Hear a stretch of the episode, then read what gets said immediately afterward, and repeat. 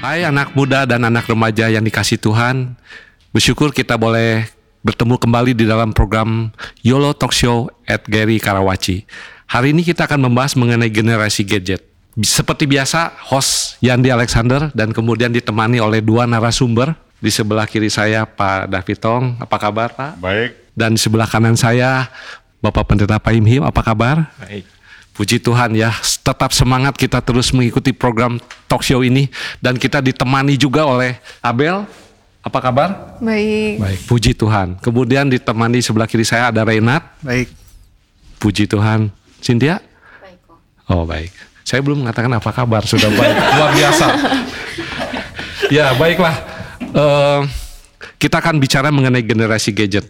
Kita tahu bahwa generasi Z ini memang hidup dan lahir di zaman mereka itu sudah ya kalau zaman saya itu internet belum ada ya. Zaman mereka itu mereka sudah lahir di dalam satu zaman generasi gadget dan kita melihat bahwa pengaruhnya di dalam eh, kehidupan mereka dikaitkan dengan eh, kerohanian. Nah, mungkin Pak David bisa jelaskan sedikit, ngasih wawasan buat kita, benar nggak sih gitu kalau generasi mereka itu adalah seperti itu.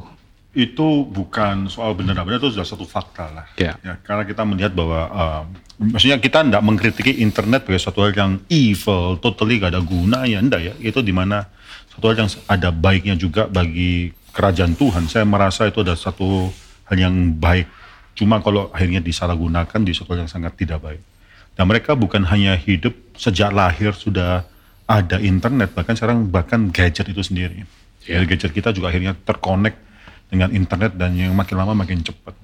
Orang tua mereka adalah orang tua kita semua. Kita juga dipengaruhi dengan hidup gadget juga. Termasuk sering kali mungkin dalam hidup kita sendiri hal pertama paling pagi yang kita lakukan setelah kita bangun dari bangun tidur itu bukan doa, bukan baca Alkitab, mungkin langsung buka gadget kita. Itu satu fakta dan satu pergumulan. Tapi mereka lebih lagi mereka adalah orang yang sejak kecil, anak saya yang masih umur dua saat ini, itu udah mulai bisa ngeliat HP dan mereka bisa slide HP untuk membukanya atau bagaimana mencoba memakainya. Itu sejak umur dua pun sudah terbiasa. Kita enggak. Nah itu suatu fakta nanti kita akan bicarakan mengenai impact pada gadget impact daripada internet dan bagaimana mereka menghidupi hidup yang virtual itu sangat real sekali dalam hidup mereka. Virtual bahkan itu Facebook itu temennya temen virtual Instagram, Line atau mungkin hmm. Twitter dan sebagainya itu itu sangat real sekali. Teman mereka bisa sangat jauh sekali daripada cuma apa yang ada di depan mereka, di depan mata mereka. Tetapi apakah terus kemudian relasi yang melalui gadget itu menjadi satu relasi yang benar-benar relasi begitu ya atau itu sebenarnya hanyalah sesuatu yang tampaknya relasi tetapi sebenarnya bukan.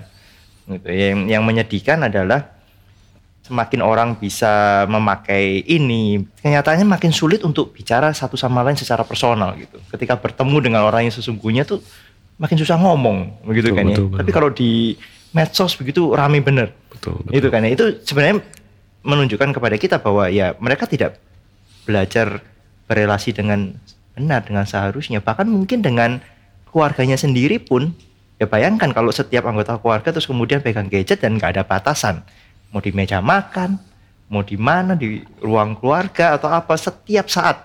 Ini tentu ada pengaruhnya. Ya, ketika kita berelasi dengan manusia saja yang kita bisa lihat, kita nggak bisa kemudian berelasi dengan benar. Ya, bagaimana berelasi dengan Tuhan yang nggak bisa dilihat? Ya, itu akan menjadi hal yang lebih sulit lagi, lebih maya lagi bagi mereka begitu ya.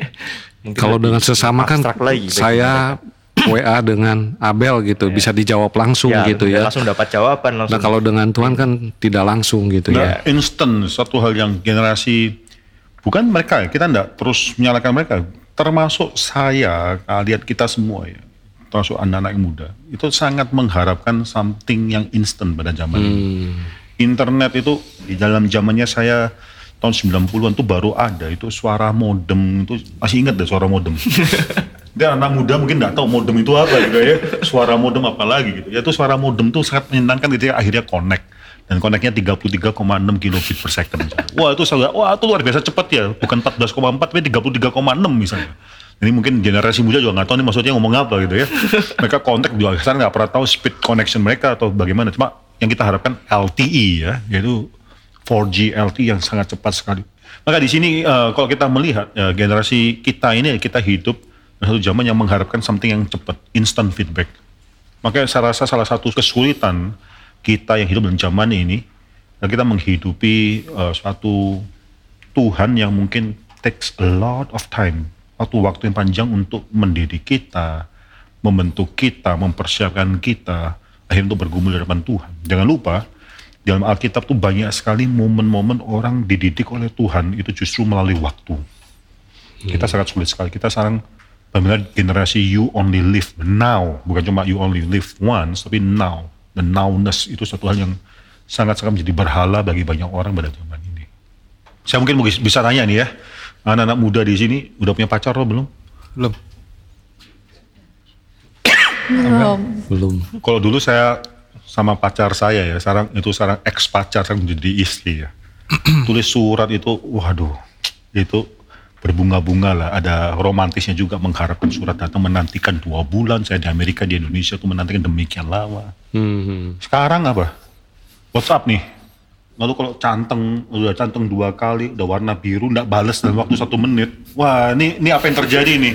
Kamu kenapa nggak balas WhatsApp saya dalam waktu satu menit atau bagaimana? Mungkin dari hal yang lain juga sama seperti demikian. Tapi ya itu kita nggak bisa menikmati waktu. Oleh karena itu uh, realitas bahwa Tuhan itu ada dan Tuhan tapi diem, nggak menjawab kita. Sedangkan Tuhan nggak kasih kita konformasi terhadap apa yang kita harapkan. Itu nggak bisa dinikmati lagi. Kita nggak bisa menikmati hal tersebut ya. Kita benar-benar menghidupi you only live now, this moment. Kita nggak bisa menantikan pembentukan Tuhan. Saya rasa itu salah satu faktor. Tapi bukannya kalau misalnya kita mengharapkan sesuatu instan, kita malah bisa memanfaatkan waktu lebih banyak lagi buat Maksudnya? memuliakan. Lebih efektif gitu ya. Iya, lebih efisien, efektif, efisien iya. waktunya. Ada efisiensi tersebut ada, tapi at the cost akhirnya karena kita mengutamakan efisiensi kita apa pun pekerjaan di tempat pekerjaan itu di measure daripada efisiensi kita. Yaitu kita sangat diharapkan untuk produce something and produce something really quick. Itu ada porsinya, cuma akhirnya on the other hand kita nggak bisa menikmati lagi waktu. Nah terus kalau satu hari Abel atau Rina sudah ada pacar ya, belajar untuk akhirnya bersurat-suratan. Bukan cuma WhatsApp, ya belajar tulis surat. Dahulu Maaf, pacar maaf. Pak. Hah? Nulis sudah nggak bisa. Udah gak bisa nulis lagi ya? Waduh Udah itu nggak itu. bisa nulis sekarang. Bener mas, nulis itu pas ulangan Ya udah doang. kamu tulis di itu di WhatsApp, Di print. print, kirim, kirim lalu tunggu satu minggu, jangan kirim yang kilat satu minggu aja. Nah, gue menanti kan itu. Justru indah juga ya. Wah, itu seperti waktu itu. dapat ya, wah dapat something real. Sekarang ya, happy birthday atau gimana itu instant. Dan lagi ada yang membuat sesuatu untuk pacarnya atau bagaimana membuat suatu hal yang kreatif lu kirimkan, lalu mereka mendapatkan, lalu tangible mereka melihat ada suatu hal yang memang benar-benar real mereka bisa rasakan jerih payah yang diluangkan untuk membuat semua hal itu enggak. Happy birthday ya, atau bagaimana instan aja. Kado beli online. Hah? Kado beli online. Kirim pakai Bunganya aja foto, foto bunga kirim aja gitu kan. Tapi selain itu yang nanggepin yang tadi Abel bilang, eh, kita juga sebagai anak remaja itu jadi eh, waktunya yang sebenarnya ada banyak dalam sehari. Itu jadi kayak kesannya sibuk gitu kita. myth daripada efficiency. Kadang-kadang orang kalau uh, kerja itu mereka pikir mereka bisa multitasking. Hmm. Semuanya karena download apa terlalu cepat. Ya mereka akhirnya buka sekaligus mungkin tempat kerja layar berbagai. Apakah lebih produktif? Enggak loh. Dengan multitasking demikian kadang-kadang justru di dalam kantor itu akhirnya orang kehabisan waktu untuk mungkin sambil kerja, sambil nonton, sambil nganu Facebook itu terpecah-pecah pemikiran demikian itu akhirnya nggak menjamin mereka akan bisa lebih produktif. Nggak heran ya sekarang ya kebaktian juga makin lama makin cepat. Mm. Ya, saya waktu di Amerika itu ya, itu kebaktian sering kali kalau saya datang satu kebaktian itu satu jam. Satu jam itu aja sudah dianggap cukup lama. Satu jam itu sudah termasuk di dalamnya khotbah, ada perjamuan kudus, ada satu jam selesai. Oh ya? Ya, khotbah itu kira-kira 25 menit. Nah ini suatu hal yang kita hadapi ya, kita sangat-sangat tidak sabar dalam zaman di mana kita hidup. You only live now, itu yang kita mau perjuangkan. Bahkan experience suatu merasakan the nowness tersebut. Tapi memang social media kayak Instagram, YouTube gitu itu memang sangat memakan waktu gitu. Kayak apa namanya? Ya kita buka itu, kita pakai itu. Akhirnya Eh, kalian spend berapa wak- waktu di Instagram? Iya dalam satu hari itu bisa maksudnya berjam-jam dalam YouTube gitu. Ini saya baca Jika statistik dihitung. terakhir kali dalam generation C itu karena terlalu banyak internet dan ini dan itu ya. itu eh, mereka pegang ini rata-rata lihat eh, screen ini itu 57% itu memakan waktu 4 jam lebih. Lalu udah kira-kira tambah 25% berikutnya itu kira 6 jam lebih lihat screen. Nah, ini akan mengganti Capek mengganti, ya. mengganti semua hal yang akhirnya memakan waktu kita dalam hidup kita. Dulu TV, sekarang ini. Sekarang ini. iya. Tapi gimana dengan kalau konteksnya memang kita membutuhkan itu Pak, misalnya dapat informasi di grup Oh, itu enggak salah. Saya nggak mengatakan kita buang ini, enggak salah. Kita buang. Untuk hal-hal produktif itu maksudnya eh, baik gitu karena Nah, soalnya banyak memang fakta informasi. menunjukkan bahwa akhirnya kita komunikasi cuma satu ini. betul. Bahkan ini jadi tempat untuk membangunkan kita alarm, kita baca berita, kita akhirnya send message. semua. Ini ini ini benar, bukan berarti kan bahwa kita Kristen juga, yang anti. kita juga dari Kadang-kadang bahkan dengan ya, demikian. Eh, tapi ini suatu suatu pergumulan yang tidak pernah dihadapi oleh orang-orang zaman sebelumnya. By the way, saudara, internet ya. Kita kalau bicara mengenai internet, kalian ini hidup dalam satu zaman kita semua ya, tapi khususnya nanti pasti lebih lagi pada anak-anak yang lebih muda, di mana overloaded dengan information everywhere. Itu kalian bisa dapatkan semua informasi. Kalian tidak kekurangan information. Bahkan sering kali kita cari problem matematika solusinya pun ketik di Google aja gitu kan. Itu bisa dapat solusinya. Tapi sayangnya adalah banyak informasi akhirnya kalian kita tidak bisa memilah-milah mana informasi yang benar, mana informasi yang salah. Jadi kita dapat informasi banyak tapi lose the wisdom untuk mengetahui apa yang benar dan apa yang salah. Ini kalau zaman sekarang ini kan kita juga dapat kemudahan. Nah, banyak juga orang yang akhirnya anak muda, waduh saya malas nih bangunnya udah terlambat. Udah aja saya buka di internet gitu firman Buka Tuhan. apa? Buka firman Tuhan khotbah. Minta dibukakan untuk Ibadahnya streaming. ibadahnya streaming, streaming. live streaming. kita sebagai suatu anggota gereja tubuh Kristus di kita di gereja Karawaci atau di mana pun ya kita harus bisa mempergunakan internet cuma bagaimana sekarang membuat akhirnya anak-anak muda ini bukan akhirnya menuhankan internet dan kayak semua presence itu gampang didapati temen pun bisa dekat tapi mereka bisa melihat ada ini ada persekutuan juga mereka harapkan dalam suatu gereja Nah saya sangat merindukan sekali gereja lokal itu adalah satu gereja yang akhirnya semua orang menikmati keberadaan satu dengan yang lain. Jadi bukan karena mereka bisa dengarkan firman Tuhan di internet lalu mereka ya sudah itu jadi opsi yang mereka perjuangkan. Dan itu satu fakta mereka hidup dengan internet dan internet makin lama makin cepat. Di zaman di mana saya masih di college saya tidak bisa membayangkan orang bisa stream video. Dulu udah dikatakan akan suatu hari akan ada suatu hal di mana video itu akan di stream itu kita tidak bisa bayangkan. Bagaimana? Perlu kecepatan internet. Berapa kita udah hitung semua? Tidak mungkin gitu loh. Karena dampak fakta ya akhirnya kita ada Netflix sekarang. Bukan cuma stream video movie bahkan 4K itu di stream ya cuma kita harus redeem ya. Redeem anak-anak muda kita mengatakan bahwa yang penting bukan cuma mendengarkan firman Tuhan saja tapi keberadaan bersama dengan orang lain yang percaya itu juga penting saya mengharapkan anak-anak muda sekarang juga mengerti ya ini uh, zaman di mana kita sanakan dekat dengan semakin dekat internet, WhatsApp, Messenger atau Line, whatever ya, Telegram semua itu akan mendekatkan kita, tapi juga menjauhkan kita dengan yang lainnya. Satu ironi sekali, bagaimana teknologi sekarang akan mendekatkan kita, tapi faktanya menjauhkan kita. Tapi benar sih Pak, karena di persekutuan pemuda di sini, eh, saya pernah ngobrol dengan beberapa pemuda. Terus eh, mereka tanda kutip kan kalau mau ngobrol harus terlepas dari handphone. Hmm. Ya. Tapi itu hanya cuma beberapa menit, mereka udah gelisah, Balik lagi. mereka nggak tahu mau ngomong apa, susah untuk berkomunikasi karena udah terbiasa ngomong tuh pakai WhatsApp. Maka ada salah satu anak KTB saya dia bilang, Ci, saya lebih gampang kalau ngomong via WhatsApp, boleh nggak curhatnya via WhatsApp? Terus kayak kenapa nggak ketemu kalau bisa ketemu gitu? Karena saya kalau ngomong langsung tuh susah mau ngomongnya gitu. Pak. Banyak Ya. yang di WhatsApp sama Line Ya. itu cerewetnya Ya. Tapi kalau kita ketemu kadang-kadang nggak nyapa ya, lewat gitu ya. Lewat. Kita juga kaget gitu. aja, happy birthday ya. Happy birthday di WhatsApp semua, blessed birthday, Iya, iya. whatever. Sampai ketemu orangnya lupa ngomong, berarti salaman juga Nah, nggak laku. iya, Itu betul. kan kita sering banget gitu kan. Betul. Nah itu satu satu realitas di mana ya internet ternyata yang kita katakan seharusnya mendekatkan kita malah semakin membuat jarak. Itu suatu hal yang penting yang harus kita sadari.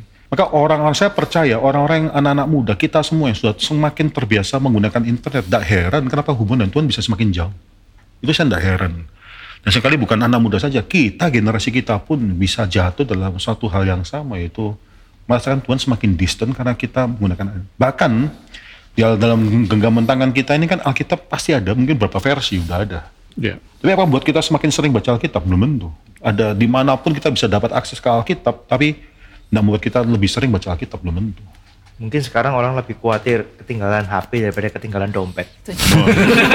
Karena dompet sekarang pun dompet udah masuk di sini. masuk. Dompet jadi anak muda mungkin kalau ke kafe ke mana carinya pertama bukan kafe ya tapi Ada wifi. wifi atau Eh, enggak? wifi ada. Kalau ada wifi baru kita baru mau masuk. Bukan cuma wifi, free. Pak. Wifi.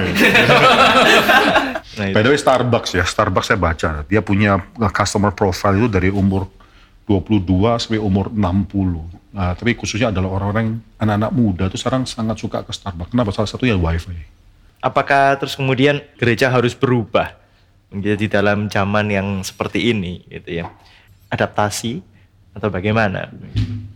Kamu tanya ke host atau tanya ke siapa? Yuk, Narasumber cuma kita berdua. Wah, ya, tanya ketamu aja. Ketamu saja karena host yang pasti akan mengarahkan kepada tamu-tamu. Kita, kita mau, mau dengar juga dari orang-orang muda sebenarnya kalian berharap gereja yang kayak apa sih? Kayak gimana ya? Si Cynthia dulu deh. Rupanya kalian juga nggak punya pengharapan ya. Gimana Abel? Kamu nanti akan akan pergi keluar gitu. Kamu akan cari gereja yang kayak apa? Eh, aku ngarepin sih banyak persekutuan. Banyak persekutuan. Iya. Bener. Karena menurut aku kayak lebih banyak belajar dari orang-orang yang seumuran sama aku, yang masalahnya sama kayak aku. Oh, jadi maksudnya persekutuan bukan kebaktian. Eh, dua-duanya. Bukan khotbahnya gitu ya. Sebenarnya persekutuannya itu lebih lebih kuat lah. Persekutuan itu penting, tapi tidak pernah bisa menggantikan suatu ibadah. Dalam ibadah itu kita bersekutu bersama-sama dalam melakukan suatu hubungan vertikal di hadapan Tuhan, yaitu mendengarkan firman Tuhan. Ya silakan cari persekutuan, itu persekutuan yang baik itu penting. Tapi jangan lupa vertikal. Dan waktu kita beribadah itu kan masalah kita suka, kita beribadah karena lagunya enak, khotbahnya lucu atau enggak ya. Ibadah yang benar adalah ibadah yang akhirnya God-centered. Yang memuliakan Tuhan, yang menyenangkan hati Tuhan, bukan menyenangkan hati kita. Kayak anak-anak muda harus belajar. Bukan masalahnya itu, bukan yang paling penting adalah saya senang atau enggak. Enggak. Belajar vertikal itu establish. Tuhan senang atau enggak? Tuhan senang atau enggak? Ya sekali lagi kita jangan lupa ya Yusuf yang kita udah bicarakan ya. Itu kan vertikal sangat strong sekali. Bagaimanakah mungkin saya bersalah kepada Allah? Kalau kita terus menghidupi ya masalah YOLO, saya senang. Bahkan dalam ibadah pun saya juga harus senang atau bagaimana. Ini tidak mungkin bisa membuat kita keluar daripada lingkaran setan YOLO orang dunia ini. Karena kita self-centered dan hanya mencari kesenangan dunia. Mungkin suatu hari kita bicara mengenai ibadah dan generasi muda ya. Atau apa hubungannya saya dan gerejaku misalnya itu kita harus bicarakan juga. Lu berarti eh, balik lagi ke pertanyaannya apakah harus berubah gitu di zaman ini gereja? Gereja harus cerdas dalam arti firman Tuhan itu bisa menangkap anak-anak muda. Seringkali dalam kita bergereja, kita mengharapkan anak muda berubah, tapi pendetanya tidak pernah mengenal pergumulan anak-anak muda itu juga tidak benar. Ya language-nya mereka, culture-nya mereka, itu Paulus katakan untuk orang Yunani yang bijaksana, aku menjadi orang yang bijaksana orang Yunani. Untuk orang yang barbar, saya juga menjadi orang yang barbar. Itu penting, itu bagaimana kita akhirnya bisa menurunkan dan akhirnya mengerti pergumulan daripada kalian. Nah kalian-kalian di sini anak-anak muda bukan cuma menunggu untuk dimengerti, enggak. Kalian harus juga mencari peer group kalian dan bagaimana kalian tuh bisa juga menggarami mereka, menarik mereka, berbicara kepada mereka. Itu bukan cuma tugas daripada hamba Tuhan, tapi tugas daripada semua orang yang terlibat di dalamnya. Lalu gimana solusinya Pak? Kan kita hidup di eh, era digital yang semuanya hyper connected. Lalu eh, solusinya supaya kita nggak Itu- maksudnya edik kepada sosial media kita dan juga hyper lebih connected itu suatu language atau suatu vocabulary yang bagus ya. Kita so hyper connected. Solusinya apa? Make a real connected. perlu ditaruh perlu ditaruh dan perlu belajar bicara sama orang di keluarga kalau makan ya saya anjurkan keluarga Kristen kalau makan jangan pegang HP di meja meja makan taruh dan letakkan HP kadang-kadang saya ajak keluarga saya keluar mari kita pergi keluar dan kita komit tinggalkan HP semua papa mama semua tinggalin HP zaman dulu di mana kita hidup gak ada HP kita tuh bisa hidup kok Iya. ya kan? Zaman dulu saya masih ingat, nggak tahu kalian udah inget nggak kalau mau cari jalan ke mana, ini di Amerika mungkin di sini mungkin nggak ada, pakai MapQuest, cari jalan dan di print kiri kanan. Itu sekarang kita kalau salah jalan belok langsung di reroute ya. Dulu nggak ada, kalau salah jalan belok udah bingung mau ke mana ini sekarang. Salah keluar exit tol itu udah pusing kita. Tapi sekarang terlalu gampang. Cuma dulu juga kita hidup, fine aja. Gak ada ini juga kita bisa hidup. pulang-pulang lihat HP udah dimaki-maki orang ini kok nggak dijawab sekian ratus message gitu kan tapi Tapi ada keharusan jawab langsung. Kita nggak ada keharusan jawab. Karena ya kita kalau terima telepon ya langsung oh ada kayak obligation harus ambil telepon jawab telepon. Profesor saya katakan enggak, enggak ada obligation. Kamu bisa taruh telepon enggak harus jawab telepon tersebut kok.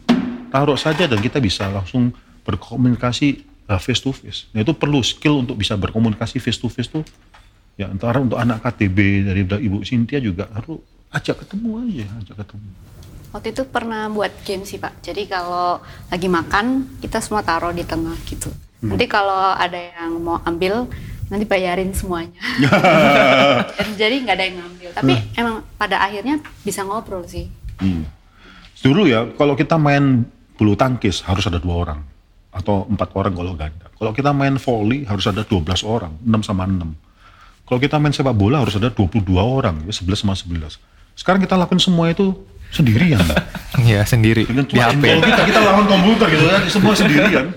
Catur pun juga sendirian gitu kan. Nah, ini ini ini ini suatu hal yang blessing juga satu hal yang harus kita perhatikan baik-baik. Jangan sampai ini akhirnya menjadi tuan di atas kita, kita tunduk di bawah. Ya enggak, kita memakai ini sebagai suatu hamba yang setia. Itu tuh penting. Tapi eh, kenyataannya banyak anak muda dan termasuk eh, kami juga yang di gereja ini juga benar-benar udah edik banget sama sosial media itu karena eh, berbagai informasi itu secara random kita nggak cari udah disuguhin aja di YouTube gitu misalnya. Udah banyak banget. Jadi kita kehilangan fokus lah kalau yang tadi Pak David bilang nggak produktif dan lain sebagainya. Nah, coba yang lain gimana? Ini solusinya apa nih? Ini suatu hal yang real pergumulan daripada anak-anak muda pada zaman ini. solusinya bagaimana kuota dibatasin Detox HP. Kota dibatasi dia pakai wireless gereja. pakai wireless dari Maksudnya udah tahu ya. Maksudnya udah dikasih tahu. Udah apa-apa kota dibatasi, pokoknya ada wireless gratis aja. Dia cari tempatnya gratis. Lemot gereja. Oh, gereja, eh, gerejanya udah kenapa lemot Banyak yang pakai. Oke ya. Tapi memang mesti ada pembatasan waktu juga ya. Kita kalau saya sebagai orang tua juga komitmen juga kalau memang kita ke anak kita kalau malam nih udah jangan pakai jam sekian ya kita pun juga sama. Kan eh, banyak orang tua udah nggak membatasi ini gitu. Nah, itu salah orang tua. jadi nggak bisa. Problem remaja kita itu sering kali jadi problem daripada orang tua juga. Dulu waktu saya anak saya masih kecil umur 6 ya, saya batasin dia punya akses ke HP. Saya nggak mengatakan bahwa HP itu nggak boleh evil, harus dibuang, enggak, enggak.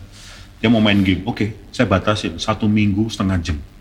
Dan dia hari Jumat dia sabar menunggu satu minggu setengah jam, kalau udah selesai dia kembali. Dikit banget pak. Hah? Dikit banget. Dikit banget iya.